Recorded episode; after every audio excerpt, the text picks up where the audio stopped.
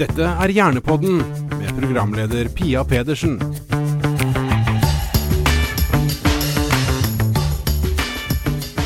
Da er Hjernepodden i gang igjen.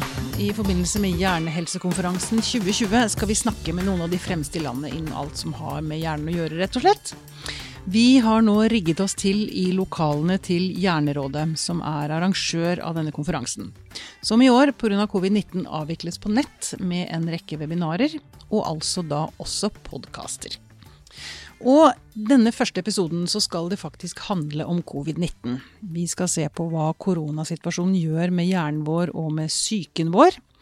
Og eh, her sitter jeg nå sammen med Sverre Urnes Jonsson. Velkommen hit. Takk, takk. Du er førsteamanuensis og psykologspesialist ved Universitetet i Oslo og Modum Bad. Ja. Ja. Og du ivaretar psyken. og så skal vi snakke om den nevrologiske hjernen. Velkommen til deg, Anne Hege Aamodt. Takk. Nevrolog og overlege ved Oslo universitetssykehus. Ja, det er, det er kvalifiserte fagfolk vi har med oss her i dag. Først et spørsmål til dere begge som kanskje er litt mer sånn personlig. Har det blitt eh, veldig mye mer ekstraarbeid og andre måter å jobbe på for dere under covid-19? Som en følge av, eh, av denne pandemien? Det har, det, har blitt, det har, blitt, annerledes, må man trygt kunne si. Ja. Altså, som, som, forsker så er du kanskje litt sånn privilegert at uh, når du blir på en måte isolert og satt inn i, satt inn i et hus for deg sjøl og ikke får lov til å dra ut så mye, så, så har du bare én ting å gjøre, det er å skrive artikler. Men det ble jo da litt problematisk når barna skulle være hjemme samtidig, og Erna sa litt sånn uh, eh, lettere henslengt at nå må vi jobbe litt, selv om vi har barna susende rundt oss. Eh, og, og, det kan være lettere sagt enn enn gjort. da. Så det var stressende i den perioden når barnehagen var stengt og man skulle prøve å være forsker samtidig. Men ellers er det jo mange muligheter digitalt og sånn da, som gjør eh, forskningshverdagen mulig. Ja, Men er det blitt mer arbeidspress?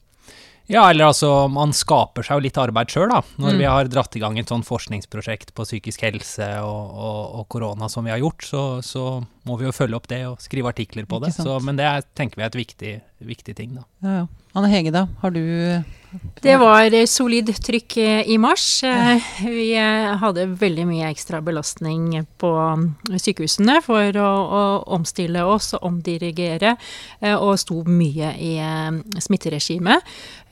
Så det var veldig travelt. Og samtidig så rigget vi nasjonale studier, og vi hadde faktisk Nevrodagene, en stor nasjonal kongress som vi avlyste før regimet med de nye tiltakene kom, så vi måtte være i forkant der og, og avbestille, omorganisere. Og som leder av Norsk nevrologisk forening så hadde jeg skikkelig trøkk også med det. Så ja, det var ganske travelt i mars.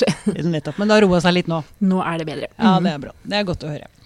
Dere har i hvert fall tid til å sitte her sammen med meg. Det er jo et godt tegn. Du, eh, Sverre. Det, dere er i gang med et, en studie. Eh, psykisk helse i den norske befolkningen blant helsepersonalet under covid-19-pandemien. Ja. Hvorfor er eh, studier som det viktig?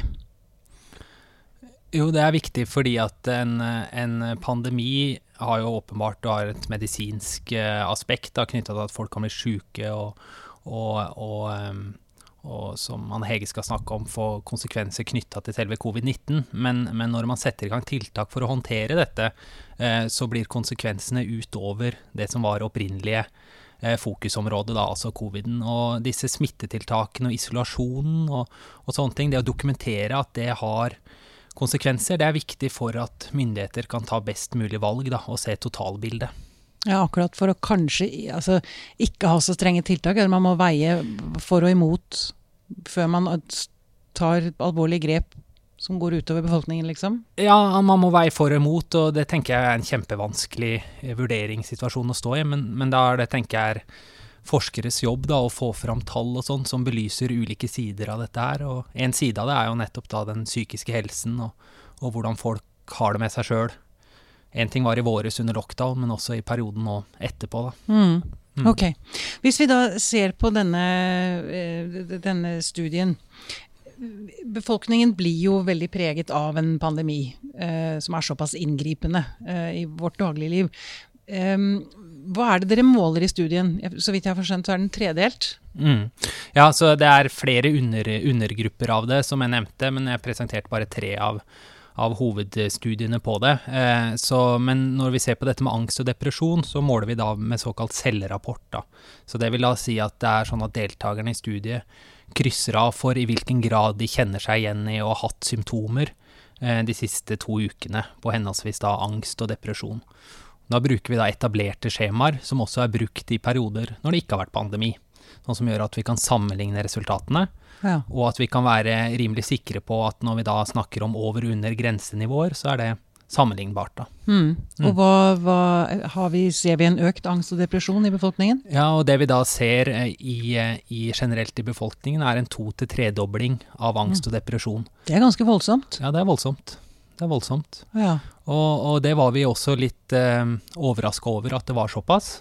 Men så ser vi da fra internasjonale såkalte metastudier, da, dvs. Si at man sammenfatter masse forskjellig forskning fra forskjellige land, at dette her er også noe som går igjen i, i andre land og i andre verdensdeler. Mm.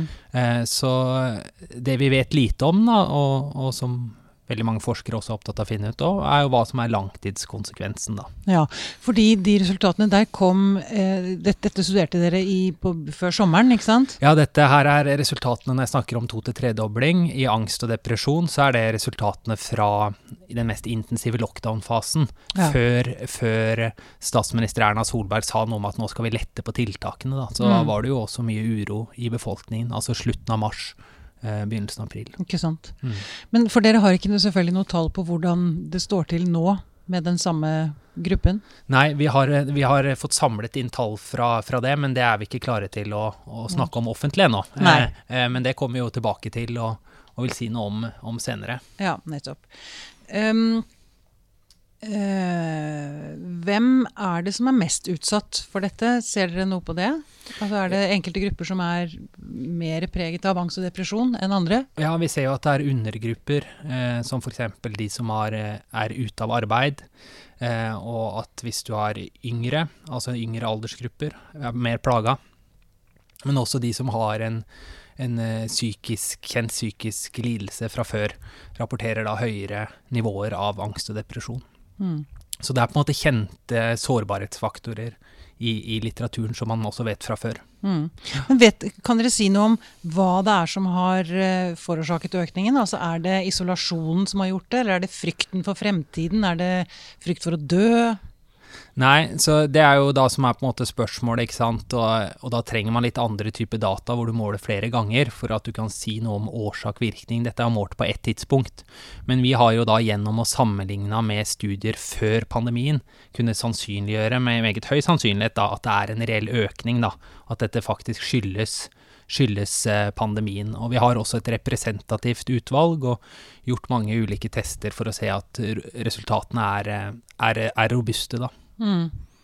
Så er det også en økt ensomhet. Ja. Det er også et stort problem her. Ja. Og ensomhet er jo, en, er jo på en måte Når man snakker om symptomer på angst og depresjon, så er det nærliggende at man kommer over i Tenker at det kan utvikle seg til en lidelse, da bli en angst- eller depresjonslidelse. Ensomhet er ingen diagnose, men, men økt grad av ensomhet eh, vil kunne henge sammen med økt grad av angst og depresjon, så det mm. kan være en sårbarhetsfaktor for det. Eh, så vi ønsker jo ikke at store deler av befolkningen vår skal være ensomme, og at de skal være mer ensomme enn en før pandemien, som var det vi fant.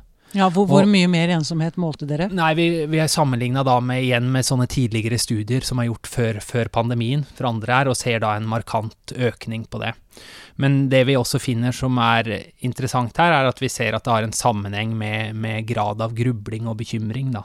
Så de som bruker mye tid på grubling og bekymring, eh, de opplever også høyere grad av, av, ensomhet, eller er assosiert med høyere grad av ensomhet. Mm. Um, og da er jo det er jo interessant da for, i forhold til hvordan man kan uh, gjøre tiltak da for å, for å, redusere ensomheten og komme ut av det. Ja, Kommer dere med forslag til det også, eller? Nei, vi, vi, det, er, det, er, igjen, da ønsker vi gjerne litt andre typer data for å komme med det, men, men jeg, og, jeg, vil jo si at uh, i en sånn type til, tilstand som Norge var i i våres, så vi får håpe at det ikke skjer igjen i høst, da, men så er det noe med å komme seg uh, komme seg ut og holde på rutiner i en situasjon hvor ting er unormalt, så må du få det jeg vil kalle for unormale rutiner, da. Som igjen, eh, uten at det nødvendigvis tenker å bli den nye normalen, for det høres jo veldig trist ut at vi ikke skal kunne gå på konserter og være sammen med folk. Men, ikke klemme hverandre? Nei, men det er, det er fort at sånn folka tenker at nå er det på en måte ikke noe vits, da. Nå har jeg på meg joggebuksa hele dagen og blir mm. sittende hjemme, og, og, det er på en måte ikke så farlig. Eh, og da må man på en måte prøve å, å komme i gang med de nye rutinene og ting som gjør at man kommer seg litt utafor huset, at man får vært i aktivitet, at man får hatt en form for sosial kontakt. Da. Mm. Mm. Bra.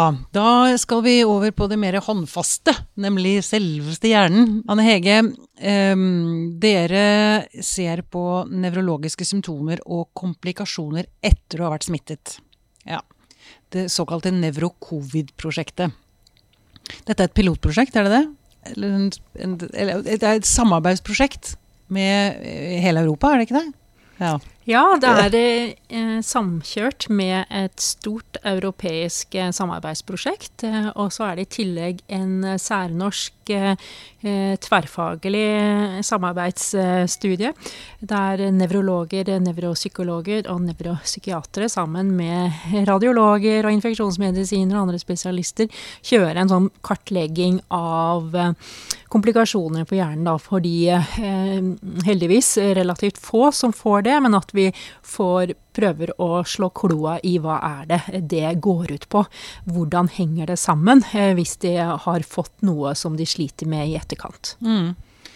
Og eh, det viser seg at man får nevrologiske symptomer. Mm. Kanskje. Eller ja, det er viktig å si, du, du, sa det, men det er ikke Man skal ikke sette skrekken i folk her. Nei. For det er eh, noen som får nevrologiske symptomer ja. som følge av covid. Så det aller vanligste med lukt og svimmelhet og hodepine og sånn, det er jo mer knyttet generelt til infeksjonen. Fordi om det er fra nerver det kommer og, og, og, har med nevrologiske symptomer, det er jo noe de aller fleste rister av seg ganske raskt. Mm. Eh, men så er det noen som sliter videre. Det er noen som sliter med hodepine som bare varer ved. Det er noen som sliter med svimmelhet som bare varer ved. Og det er noen som får problemer med nerver ute i armer og bein, eller har betennelse i hjernen. Og disse tingene der er eh, sjeldent mye av det. Eh, men det er sånn vi må finne ut av. For ikke, vi har jo ikke hatt covid-19 før, så det er nå vi må finne ut av hva det gjør med hjernen hos de som da ikke bare går igjennom det sånn som de aller fleste gjør, da. Mm. Jeg har lyst til å stille deg det samme spørsmålet som jeg stilte Sverre. Hvorfor er det viktig med, med studier som dette? Mm. Hjernesykdom er jo utrolig kostnadskrevende og gir betydelig redusert livskvalitet. Så hvis det er noen som sliter med det her i etterkant, så er vi nødt til å finne ut av det for å gi en god behandling. Og noen ganger så har det kanskje ikke så mye med covid-19 å gjøre, det er bare um, Det var noe som var der fra før. Men, men i en god del tilfeller så ser det ut som det har noe med covid-19 å gjøre. Da må vi finne ut av det, sånn at vi kan gi best mulig oppfølging og behandling, så folk kan ha, eh, fungere best mulig. Mm. Så ikke man blir gående gående og hangle lenge hvis ikke det er eh, Hvis man kan få noe som gjør at man kommer seg i gjenge igjen. Mm. Men du, er det også sånn at covid-19 det kan også forårsake hjerneslag? altså virkelig, mm. Det kan bli veldig alvorlig? Ja. Eller, og Hvordan vet dere at det er covid-19 som mm. gjør det, og ikke at det hadde kommet helt av seg selv? Mm. liksom? Og ikke sant? Da må vi jo gå godt inn i det for å finne ut av hvordan det henger sammen. Så Noen ganger så er det jo, eh, kommer det fra hjertet, og det hadde kommet der enten det var noe covid-19 ute i samfunnet eller ikke. Mens andre ganger så ser vi at det er en en sånn veldig gass på den der blodleveringsprosessen i kroppen, som er eh, helt sånn ekstremt i forhold til det hva vi pleier å, å se. Og vi har liksom brukt dobbel av vanlig full dose av blodfortynnende medisiner og sånn. Så det er noe eget her som nok er utløst av betennelsen. At betennelsen knyttet til den veldig sterke immunreaksjonen som er på dette nye viruset, at den immunreaksjonen gir noe um, gass på blodleveringa i blodet. At det blir veldig lett blodpropper. Uh, så det er noe, ikke, noe, som er ganske spesielt, som vi har sett på en rekke type hjerneslag nå i de, den relativt korte tida som det har vært. Da. Men heldigvis, og det må jeg understreke, dette er sjeldent. Dette om man blir smittet og får eh, positiv test, altså, så er det eh, veldig lite sannsynlig at man havner inn på nevrologen med et svært hjerneslag. Altså. Ja. Det må man ikke være redd for. Men for de som får symptomer fra hjernen, eh, så kan man få en undersøkelse og få, at man finner ut av det, og at man får best mulig behandling. Mm. Mm. Du, omtrent hvor mange er det som får alvorlige senskader etter å ha vært uh, smittet? Ja, det er svært, svært få. Svært, svært få. Det er det, er, det, er det viktigste, kanskje. Ja, ja, ikke mm. sant. For nå har vi samlet veldig mye publikasjoner eh, fra verdenslitteraturen, og det er ikke fryktelig mye, altså. Så det er eh, At man får veldig ekstreme komplikasjoner, det er svært, svært sjeldent. Veldig. Det er, go det er godt nytt, da. Mm -hmm. ja. Dere ser da på hvordan hjernen reagerer seks måneder og tolv måneder etter at man har vært innlagt med covid-19. Mm. Dere studerer ikke de som har mildere symptomer, altså. Det er bare ja. de som har vært innlagt? Mm, de som sliter med symptomer fra hjernen eh, i etterkant, eh, da, da, tar vi alle. Mens eh, det er noen sånne studier av folk som har vært lagt inn, som har vært med i en remdesivir-studie, Nord Solidarity-studien f.eks. Der, der prøver vi å fange så mange som mulig av Unnskyld, hva, hva, det skjønte jeg ikke. Det er fryktelig mange studier på covid ja. Og det er veldig mange sånne medikamentstudier og, og sånn helt i akuttfasen. Mm. Uh, og vi har samarbeid med flere av de studiene. Uh, sånn at uh, du kanskje hørte om den medisinen som Trump fikk, og flere. Ja, mm. noen av det er jo egentlig eh, studier ledet av WHO, og som også går i Norge. Så der tar vi med alle som har vært lagt inn. Eh, eh, men av de som sliter med symptomer fra hjernen i etterkant, så spiller det ingen rolle om man har vært lagt inn eller ikke. Mm. Da, da, går vi inn og, og, undersøker, og det vet vi fra andre virus, at man kan ha hatt bare en litt sånn relativt mild influensa eller noe sånt, og så kan man få nervebetennelse i etterkant. Og det ser vi eh, heldigvis i sjeldne tilfeller, men det ser vi også ved det viruset her. Og da selvfølgelig, det går vi inn og kartlegger. og, og Heldigvis er det sjelden at man får alvorlige eh, nevrologiske tilstander, men det er jo en god del som sliter skikkelig i etterkant. Mm. Er skikkelig trøtte, har masse hodepine eller smerter ute i armer og bein, eller er veldig svimle. Eh, og det spiller ingen rolle om man har vært lagt inn eller ikke i det akuttfasen. Sånt tar vi på alvor og går inn og undersøker for å prøve å, å hjelpe best mulig, sånn at man kan komme seg ut av det og riste det av seg. Ja. Nettopp. Jeg begynte så vidt på spørsmålet i sted. Foreløpig så har dere jo bare fått sett på hvordan hjernen reagerer etter seks måneder. Mm. Av helt naturlige grunner. Eh, hva forventer dere å se etter tolv? Da forventer vi at en god del har kommet seg. At en del har ristet av seg det som de hadde. Eh, på på seks eh, måneder. Eh, men for de som fortsatt sliter, eh, som vi regner med at vi finner en god del av, så vil vi jo følge opp videre og prøve å hjelpe best mulig med rehabilitering. Og de som sliter med kroniske hodepiner f.eks., at de får god forebyggende medikamentell behandling når de trenger det. Mm, nettopp. Dere ser også, dere, eller Har dere sett tilbake altså på spanskesyken, andre typer lignende viruser vi har hatt i tidligere århundrer? Den gangen så, så man en økt um, demens og Parkinsons symptomer. Ser dere det nå også? Ja, det er for tidlig å si, eh, men det er noe som det er veldig fokus på også i det store europeiske arbeidet. At man ser veldig etter sånne bevegelsesforstyrrelser, som det heter. Og i den norske studien så har vi veldig avansert MR-protokoll for å virkelig å se etter diskrete forandringer. Eh, og da har vi det både på seks og tolv måneder, og er det noe bevegelse og ting som rører på seg, så har man en observasjonstid, og funn der blir jo også fulgt opp videre etter det, i den grad det er behov. Ja. Nettopp. Jeg vet at du, du, er veldig fornøyd med at det har vært så utrolig bra samarbeid og dugnadsånd i miljøet. Det er mm. veldig fint å høre. Mm. Det er faktisk en sånn, det har en positiv virkning av covid eh, og av en sånn der katastrofe. Mm. Så viser det at folk, folk reiser seg og, og gjør det som må til. Ja, det er veldig artig. Eh, I helsevesenet så er det jo Folk er jo vant til å ta i et tak. Folk er vant til å stille opp akutt på vakt og sånn, og det gjorde hele nevrologimiljøet. Tok på seg ekstra vakt, stilte opp eh, for det her prosjektet eh, sammen med nevropsykologer og psykiatere i hele landet. Så, så brettet man opp ermene og ble med i det prosjektet og hivde seg rundt. Og alle prosesser har jo gått veldig fort. godkjenning av studier fra etisk komité har jo vært ekstremt raskt. Redaksjoner i tidsskrifter, Norske legeforening eller andre tidsskrifter har jo publisert veldig raskt, så jeg er jo helt imponert eh, hvordan folk har klart å omstille seg. Og det har vært veldig lagånd i det norske nevrologimiljøet, så det har vært eh, kjempeartig å være med å koordinere det. Det har vært en skikkelig bra opplevelse, og det tenker jeg det er ringvirkninger vi kan få spille, dra nytte av på andre mm. arenaer. Eh, og at man en stor brems for oss i helsevesenet er jo IT, som er veldig tungrodd og gammeldags. Og der også har man jo hivd seg rundt, fått til gode løsninger med videokonsultasjoner og, og sånn, som det ellers tar ekstremt lang tid å få på plass. Så det sykehusene skal skikkelig skryt for å ha, ha vist stor omstillingsevne også på sånne tungrodde greier. Ja, veldig, veldig bra. Men eh, altså, apropos eh, dette helsepersonellet. Sverre, dere har også eh, sett på eh, virkningen denne pandemien har hatt på helsepersonell. Mm. Og det er vel kanskje eh, den delen av befolkningen som har vært utsatt for det aller største presset. Mm. Mm. Eh, hvilke grupper har dere sett på der?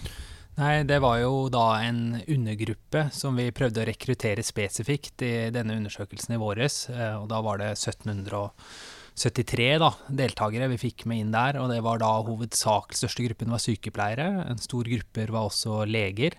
Eh, og så var det politikere og sosialarbeidere, og også annet helsepersonell. Så tanken var å rekruttere altså, eh, altså personell som var på en måte involvert direkte eller indirekte i covid-19-pandemien. Mm. Eh, også fordi vi ville se om det var tilsvarende som fra kinesiske studier, nemlig at det å arbeide direkte med pandemien, direkte med disse covid-19-pasientene, var også da en risikofaktor for økt angst og depresjon, og da såkalte posttraumatisk stressymptomer. Da. PTSD. PTSD ja. Mm. Eh, ser dere tegn til PTSD hos denne gruppen? Ja, så vi, når vi da snakker om PTSD, så må vi da skille mellom måte, diagnosen og symptomene. da. Og Det var jo mm. symptomene vi så på nå, så det var på en måte ikke en full, full diagnostisk kartlegging på det. Men vi ser at i godt og overkant av mer enn en fjerdedel av de som svarte, hadde kliniske eller subkliniske nivåer av PTSD. Det vil da si at de rapporterer symptomer som mareritt, påtrengende minner, av ting de har opplevd i forbindelse med pandemien. Eh, de merker at de unngår tanker og følelser, eller kanskje også spesifikke situasjoner knytta til pandemien. Eh, de har endringer i, i tanker og, og følelser knytta til det som har skjedd, og de har en annen sånn form for kroppslig aktivering. Um, altså kjenner, kjenner, kjenner, kjenner, seg mer på vakt, ikke sant. Ja. Man er helt stressa hele tiden, og, uh, og en sånn kraftig forøkt, forøkt uh, arousal, da. Disse fire gruppene som jeg snakker om nå, er liksom det som utgjør PTSD-symptomene. Mm. Og vi finner da at, at en stor gruppe helsepersonell har, hadde disse symptomene, og at de som jobba direkte med eh, covid-19-pasientene, hadde høyere, eh, høyere symptomer enn de som jobba indirekte. Ja, for hva, hva, slags ting har de opplevd, liksom? Altså, Én ting er at du må jobbe, jobbe, jobbe, jobbe, at det er veldig mye stress, men de, de har kanskje vært utsatt for også situasjoner som er ganske vonde og krevende å stå i? Ja, eh, og, og det kan jo være alt fra å se folk, eh, folk dø, eller se på en måte miste bort eh, miste pusten, eller, men også hele tiden dette presset som var inne på nevnt, som helsevesenet sto i den perioden, gjør jo noe med på en måte alarmberedskapen din. Eh, og, og når, når, statsministeren sier at eh, de tiltakene og det vi setter i gang, er på en måte de kraftigste tiltakene siden, siden andre verdenskrig, så gjør det noe med med hele kollektivet, og det gjør noe med enkeltmenneskene og det ansvarsfølelsen man kjenner mm. eh, når man er på jobb. Så den gruppa her har gjort en fantastisk eh, innsats, eh, og vi er selvsagt veldig spent på å følge hvordan det går med, med disse. Vi vet fra andre studier igjen internasjonalt at eh, dette er ikke unormale tall. Men de er på en måte forhøyet mm. fra det du ville forvente utenfor en pandemi. Mm. Så tilsvarende som det jeg nevnte i stad, så er vi opptatt av å følge denne gruppen og, og se hvordan det utvikler seg. Ja. Eh, du nevnte også politikere. Ja. Eh, fortell litt om, om, dem. Altså, hva er det de har vært utsatt for? Eh, det er jo en veldig liten, liten gruppe. Vi vet ikke spesifikt hva de har vært utsatt for, annet enn at de har jobba direkte med, med, med, pandemien, og at de på en måte rapporterer krevende ting der. Men man kan jo tenke seg mange stressituasjoner som de står i, og valg som de må ta. Eh, som kan, og de kan også få høre om hendelser som kan være potensielt traumatiske for dem. Da. Ja, og så er det vel kanskje sånn at nesten uansett hva de gjør, så blir det feil. Altså, ja. dere, gjør ikke, dere, gjør ikke, nok. Det, ja. Dere gjør for lite. Ja. Nei, dere gjør sånn. Altså, aldri, aldri Befolkningen blir aldri fornøyd. Nei, og det er, det er som jeg sier, et voldsomt eh, ansvar og press på, på, på den gruppen, da. Mm. Men det var også en liten, liten gruppe i, i, i studien. Mm. Eh, hvordan vil den studien deres nå utvikle seg videre? Jo, nå er eh, planen videre er jo at vi har fulgt opp samme gruppe i eh, månedsskiftet juni-juli, og er i gang med å analysere eh, tallene og dataene der, så vil komme flere publikasjoner fra det snart. Og så skal vi følge opp hele gruppen på nytt i 2021. Eh, for å se da, egentlig når vi skrev forskningssøknaden, eh, som nevnt, ikke sant, dette med dugnad og sånn, det var jo et fantastisk greie at vi fra idé, da, sammen med Hanomid Ebrahim og Asle Håfart, fra idé til vi var ferdig godkjent REC-protokoll, så gikk det en uke. Og det, og det, hadde ikke skjedd hvis vi ikke REC hadde kasta seg rundt, og hele samfunnet var på en måte klare for å si at nå skal vi prøve å finne ut av ting. Mm. Nå skal vi prøve å, å, å, å, få økt kunnskap og se hva som foregår. Og på en uke så var det altså da 10 000 stykker som hadde meldt seg på, på prosjektet mm. og tatt i gang. Så det var på en måte eh, dobbelt opp. Og endelig svaret håpa vi da å få når pandemien var over. Og da skrev jeg 2021, da. Men jeg er jo ingen spåmann, så jeg kan jo ikke vite at pandemien er over våren 2021. Så det kan jo fort bli at jeg må sende inn en endringsmelding til REC da, ja. om at vi må følge det opp litt lenger. Men i utgangspunktet skal vi måle dem en tredje gang da, til våren. Ja. Mm.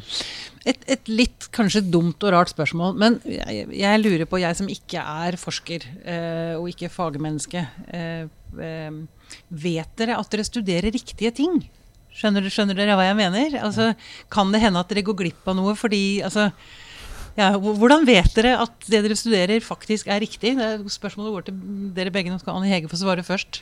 Ja, Det er jo veldig viktig med gode kontrollgrupper og et oversiktlig eh, blikk da, eh, på hele feltet. Og at man eh, ikke sammenligner epler og pærer, og at man gjør det der veldig strukturert. Mm. Eh, så vi har et veldig sterkt eh, forskningsmiljø med oss, og vi samarbeider internasjonalt med de sterke for å, sterkeste for å prøve å gjøre det her på en best mulig måte. Men man må jo på en måte bare dykke inn i det, og så blir det det det blir litt også, når det må gå så fort, da. Mm. Eh, men eh, vi har det veldig godt forankret eh, og med en god struktur. Så vi, vi, tror at vi er på riktig vei, da. Mm. Ja, Det gjør vel dere også, Sverre?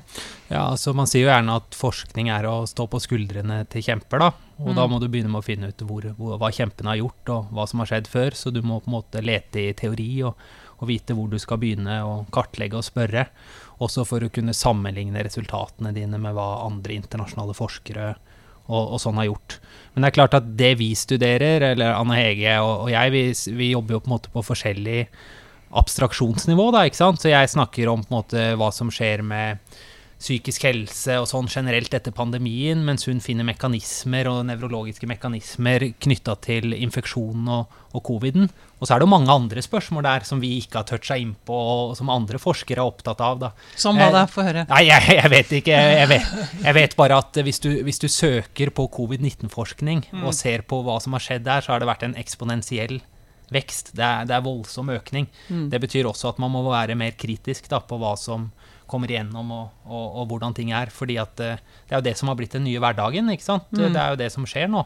Det er det vi forskere må også, også følge med på. Ja. Eh, og det, det, tenker jeg er eh, det tenker jeg er fint, så lenge vi får gjort det på en redelig og god måte og gjort det systematisk nok, sånn at andre forskere kan bygge på det videre. Det er jo sånn, sånn det her skal utvikle seg, mm. feltet. Mm. Mm.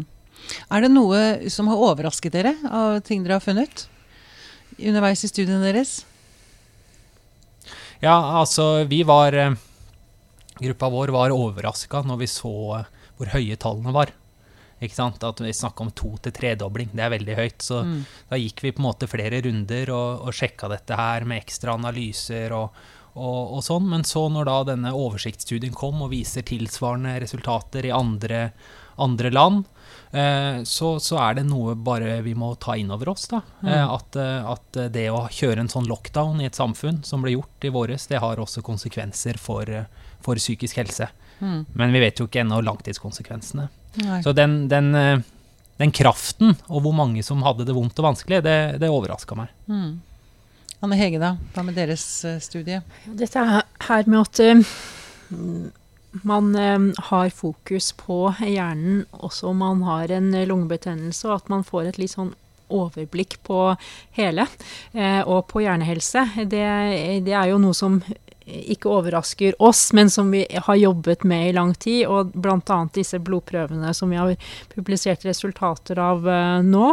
Uh, blodprøver som viser uh, påvirkning på hjernen. Da, som man faktisk kan måle med helt noen nye blodprøver. Altså ute i armen så kan man ta noen prøver som viser noe om som påvirkning kan... på hjernen. Mener du det? Wow! Ja, ja. og det, det, vet vi, har vi brukt på andre sykdomsgrupper. Men det er også gjort litt på covid-19 nå, at man ser at det er ganske mye påvirkning på hjernen, da. Eh, og, eh, som nok går litt under radaren ellers. Mm. Eh, og at det at det har gått litt under radaren ellers når man har vært kritisk syk og sånn, det er noe av forklaringen på hvorfor folk ikke funker etter å ha vært behandlet på intensiv for det ene eller det andre. Det har noe med påvirkningen som har vært på hele kroppen, ikke minst hjernen. Og det håper jeg at uh, denne her uh, fokuset på covid-19 kan gi positive ringvirkninger også til resten av helsetjenesten. At man tar det med hjernehelse og følger opp det med hjernehelse litt mer eh, sentralt i en, generelt, fordi det betyr noe for hvordan man funker. Mm. Mm. Hva ser dere videre nå, da? Altså, jeg regner med at dere også er litt sånn standby og ser hvordan pandemien utvikler seg. og Eh, hvordan det vil påvirke dere og deres forskning og sånn. Det, er et veldig åpent og eh, lite konkret spørsmål, men jeg åpner egentlig forumet her litt nå. Ja, eller, jeg ble litt sånn, litt sånn nysgjerrig, hvis jeg kan spørre noe til ja, ja. Anne Hege. For det er liksom Når man sier det at um, med, med, en blodprøve kan se at hjernen på en måte påvirkes, da av, av, av covid-19. Eh, så lurer jeg på, vet du ca. hvor mange det vil eh, være snakk om som får disse påvirkningene i hjernen? Fordi i mitt felt da, vet du, så begynner jo folk med helseangst, så begynner de å bekymre seg. At det, det er sikkert meg som får det her greiene her. Ja. Eh, så, så, er det sånn at alle som får påvist covid-19 vil slå ut på den blodprøven, eller hva er tallene på det? Ja, og så det vi ser, er at de aller fleste rister av seg det her. Og man, man må ikke være redd i utgangspunktet for å få skade på hjernen når man får, eh, får påvist covid-19. Mm. Så det er først og fremst de som er veldig uh, syke, som uh, da får en påvirkning på hele kroppen, inkludert uh, hjernen. Så mm, blodprøver som det der er noe vi forsker på nå, og som vi finner mer ut av, og som ikke er noe som man tar fordi man er litt bekymret. Da er man bekymret, så skal man snakke med legen sin og få en forklaring på hvordan det henger sammen. Og er det noe spesielle symptomer fra hjernen, så kan man få eh, komme til eh, nevrolog på sykehuset man sogner til, og så får man ytterligere kartlegging der. Eh, så det er ingen grunn til å bekymre seg spesielt eh, her. Altså man mm. får en helsetjeneste, og de aller fleste rister det helt fint av seg av seg sjøl. Ja, mm. vi, vi, har et godt system som fanger opp. Mm. Det er viktig. Mm. Og det er helt, jeg skjønner hva du tenker på, Sverre. Altså, det er bare ja, altså jeg, For jeg blir opptatt av grad av bekymring ikke mm. sant? og grad av, grad av mm. grubling i befolkningen. Og mm. dette her er noe man kan begynne å bekymre seg mm. eh, for. da. Og det er en veldig vanskelig, sånn, eh, det er en vanskelig kommunikasjonsstrategi eh, på hvordan man skal liksom, si noe rundt det her. Eh, men du spurte hva, hva vi blir opptatt av videre, så blir det jo nettopp å følge sånn som jeg sa, følge denne gruppen videre og følge hva som skjer internasjonalt i forskningen. Også fordi vi har vært i kontakt med andre miljøer og forskere på ting vi eventuelt skal spørre om i vår, vår eh, nye undersøkelse til våren, sånn at vi da kan sammenligne med andre land og det som foregår der. Da. Så det blir jo på en måte utstrakt forskningssamarbeid for å få like type spørsmål og like type mål, eh, som er spennende. Nettopp. Sånn helt mot slutten, er det noe dere mm, har lyst til å poengtere eller løfte frem som eh, jeg ikke har vært innom i denne episoden? Som dere føler at dere brenner inne med? Viktig informasjon til eh, folket der ute? Vi har enda mer om eh, covid og hjernen for de som lurer på det. Det kommer mer utover i eh, uka. så F.eks. følge Facebook-siden til Norsk nevrologisk forening. Der er det mer, eh, om, om, mer detaljer, og det er mye der som kan være interessant for folk flest. Og det kommer mer oppslag utover i uka i forskjellige medier i forbindelse med at Norsk nevrologisk forening fyller 100 år. Ja, gratulerer. Wow. Gratulerer. og studien deres, Sverre, er, er den ute? Nei. Jo, den med helsepersonell er publisert i Plus One. Så mm. hvis man googler Sverre Urnes Jonsson og Plus mm. One, så finner man den. Mm. Eh, og de andre studiene regner vi også med at nå snart er publisert. Ja, mm. Veldig spennende. Sverre Urnes Jonsson og Anne Hege Aamodt, tusen takk for at dere kom, og lykke til videre med arbeidet deres, det viktige arbeidet deres. Takk